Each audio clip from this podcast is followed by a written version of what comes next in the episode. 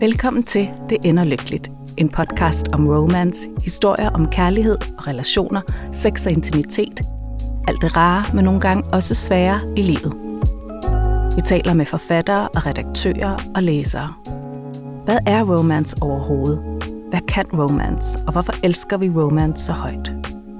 Mit navn er Sara von Essen, og jeg er redaktør på forlaget Flamingo.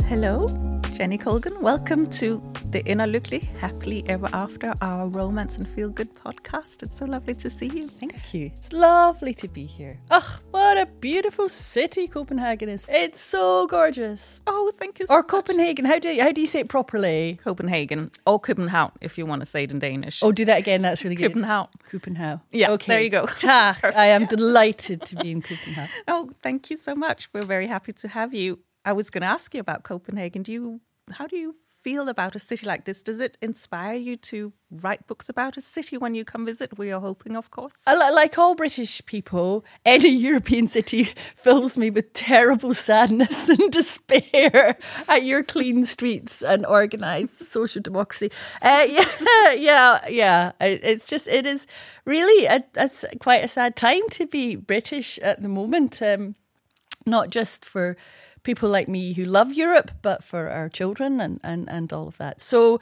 I am so lucky that I do still get to travel and, and to come and go to absolutely gorgeous places.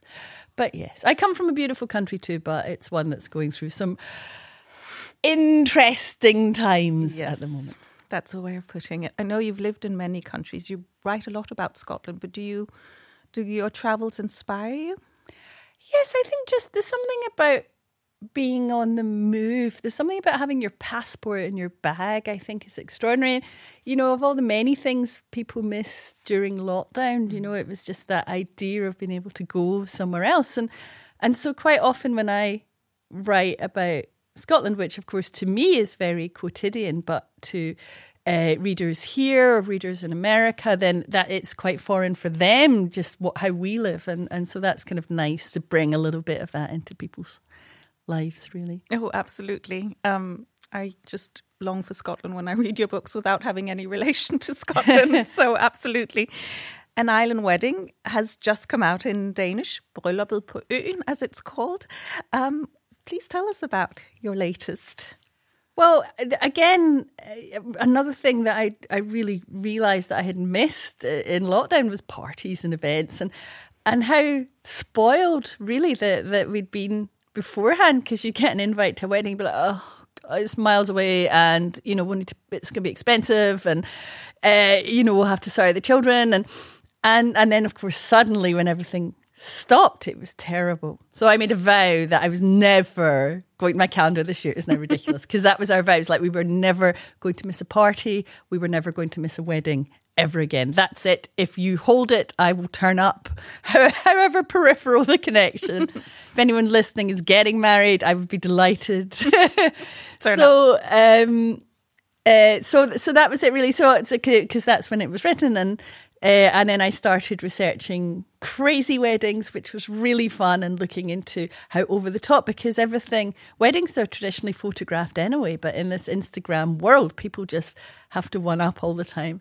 And it's quite hilarious how you know you start with a flower wall and before you know it, you know you're renting an ice rink. So uh, that really, I loved putting together in a time of no weddings. I love putting together super over the top ideas and trying to make it funny and and of course romantic. And I tell you what I love about weddings, even the stupidest wedding you've ever been to, even you know some work colleagues' wedding, it it doesn't matter. Even those fake ones they do on TV, I'm obsessed with those shows where people have to marry someone they've never met before.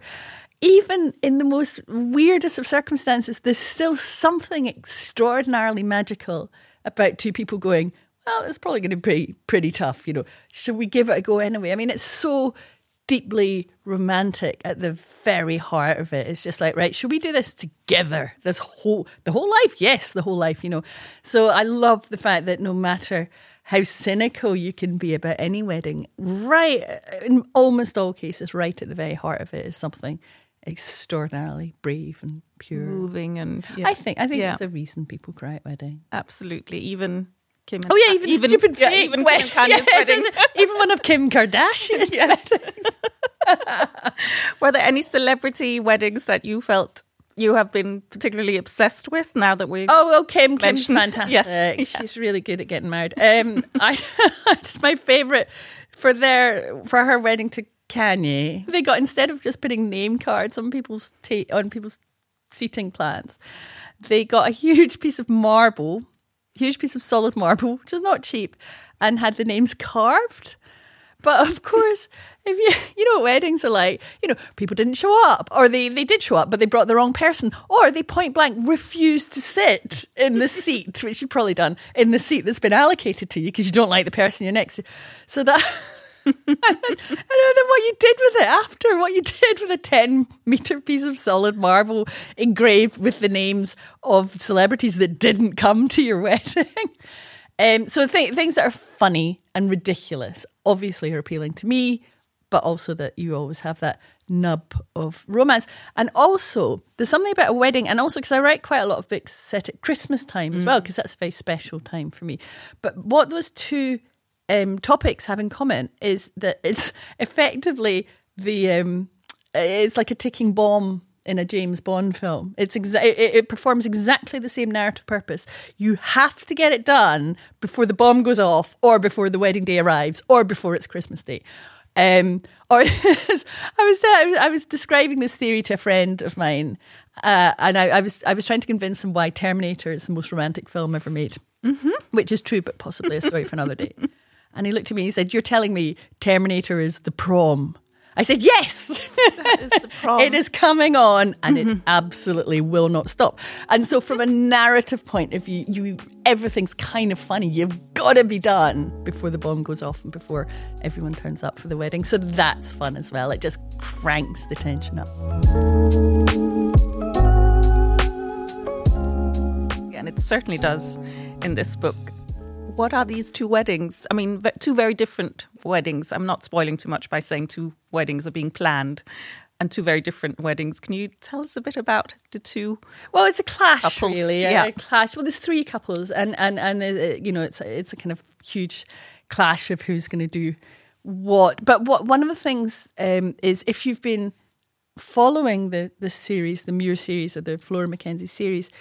Uh, then it is part of that series. But if you haven't, and if you're coming new to it, then there's a whole new set of characters, and it's a very self-contained story. Because I always like to do that because I grew up going to libraries rather than having books bought for me. And the thing about if you're into a series is if you go to a library, you're never ever going to get the book that you want to read next. It's not. It's Never there. unheard of.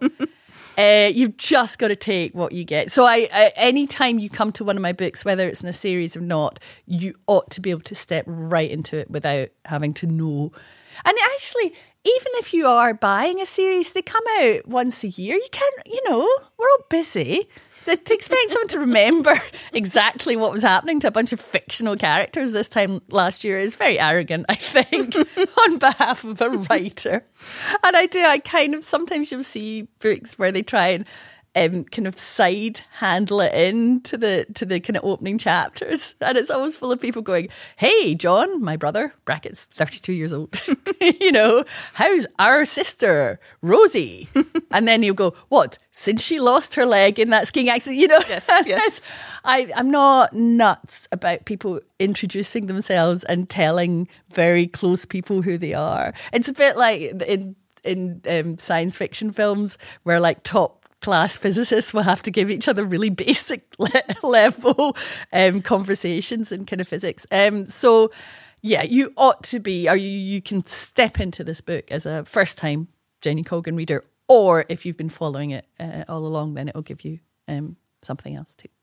Yes, wonderful. It's a lovely book. I I've read it. I don't even know that I read it. I feel that it was sort of I've read it with a spoon. Does that make sense? It just Oh, what of a lovely phrase! it just kind of yeah, it entered That's me.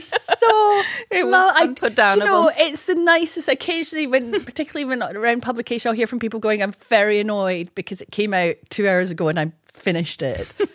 and I know because I'm, ter- I'm terrible with that. On I used to love The Good Place on mm-hmm. Netflix, mm-hmm. and every time a series came out, I'd sit down and watch the whole thing, and then feel absolutely hate myself for doing empty, it. empty afterwards. yes, depressed. Yeah. I know I was sort of full of hope and good spirits when I closed the book, aside from the fact that it was over. Um, what do you hope to evoke in your readers? You seem to always end on a hopeful, if not happy note, at least hopeful. Oh yes, Yeah. I think I you know I think that's a reasonable expectation. Um, you know, if you're writing about love and, and romance, partly that, partly also I, I really I write for um, a, a Doctor Who, which is a British science fiction um, line, and I'm really terrible at killing people or making. I, I can't bear. I, I'm constantly getting into trouble for like redeeming baddies all the time. Whereas in my own books, I can I can do that, and I I always even really awful characters. I always end up feeling slightly sorry for them, and and and you know it just you know, people aren't me. Some people are just pure awful, obviously.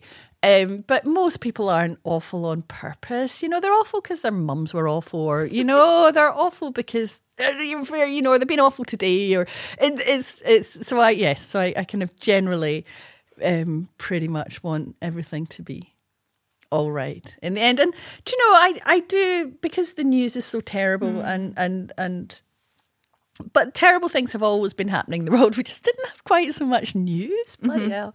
Um, whereas actually, the vast majority of people live really pretty nice lives with people that they love and they have their ups and downs. And okay, everyone's a bit crazy, but you know, most people are getting on with it. Most people's children are nice and turn out all right. You know, most people don't have terrible ruptures with their families or go to prison, you know, so most people are nice and doing their best. Most weddings are lovely. So that's my take on the world, really, and that's what I'm trying to bring.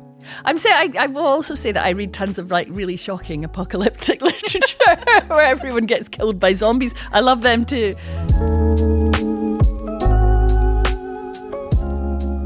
You've written how many books? Well, a lot. but also, you know, uh, I've written like short story books and, and books for children, which are short. Um, and I don't have another job. This is all I, I do.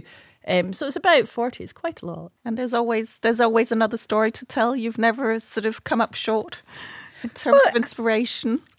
Obviously, so I, I get asked that quite a lot. You know, where do you get your ideas from? Is a kind of cliche question to ask writers, and and I have a kind of stock answer to it. Everybody does. They always like, oh well, I have a drawer or subscribe to this internet service. Um, but actually, what I always say is, if I asked you or anyone, tell me about your crazy family, we'd be here for 48 hours. We would be here for 40 years. Everybody's family is completely full of crazy people. You know, my husband's grandfather was a bigamist. He had 11 children in Australia and nine in New Zealand. Wow. And faked his own death in a train crash. But everyone's got something like that. Everyone's got somebody that died and then they found out they had done a whole other family or, you know, it, it, it- we are relentlessly interesting. Do you plot out your books or do you let your characters sort of drive the story? I think I plotted books can be very sterile, um, and it's not. If you can't surprise yourself when you're writing, you're going to have huge problems surprising readers. And I think surprise is a huge. You know, I'm one of these. Absolutely, I won't read the back of a book. You know, I am one of these people that loves to be surprised, whether it's in a happy way or a scary way or a twisty way. Um, and and so very very carefully plotted books often come across that way, like they've been written by ChatGPT. Uh, but also, what I, I would say, and I always say to people who are wanting to write or aspiring, is that plots are plots. You know, people die or they get married or they travel. You know, a death, a wedding, a journey. That's all there is. And what is really going to make what really connects is your characters. And and if people believe in these people that you're writing, then you'll follow them a really long way. Uh, whereas if you can have a perfect plot, but if you have cardboard people saying cardboard sentences and telling each other stuff they already know, well, it's you know it doesn't matter how good your plot is. Really, I mean, really amazing plots like Gone Girl or something. You know, they're very rare. Most you know most things are somebody got killed. Why and how. You know, somebody's husband vanished. Oh, where is he? You know, there's like 50 million books a year that are like that. And that's absolutely fine. What's interesting about it is the, the, you know the, the the feelings that you experience when you go the surprises the twists the turns and that you really get as a writer by basically taking a pen for a walk and see where it goes we usually ask our guests if they could dream up their favorite romance or come up with like it is quite a personal question because we're actually asking people about their innermost fantasies. What would you love to read about if you hadn't but i mean if you hadn't written it? And what if you were to set it in copenhagen? Oh yes. Well i'm i'm very interested in knitting. My mother taught knitting and sewing and there seems to be a lot of wool in this town. and so I'm really thinking about a knitting circle. Do you know, it, I tell you what, it won't be set in Copenhagen for a really good reason, which is that if you set something in a town that other people know better than you, mm-hmm. oh my goodness, you are in so much trouble.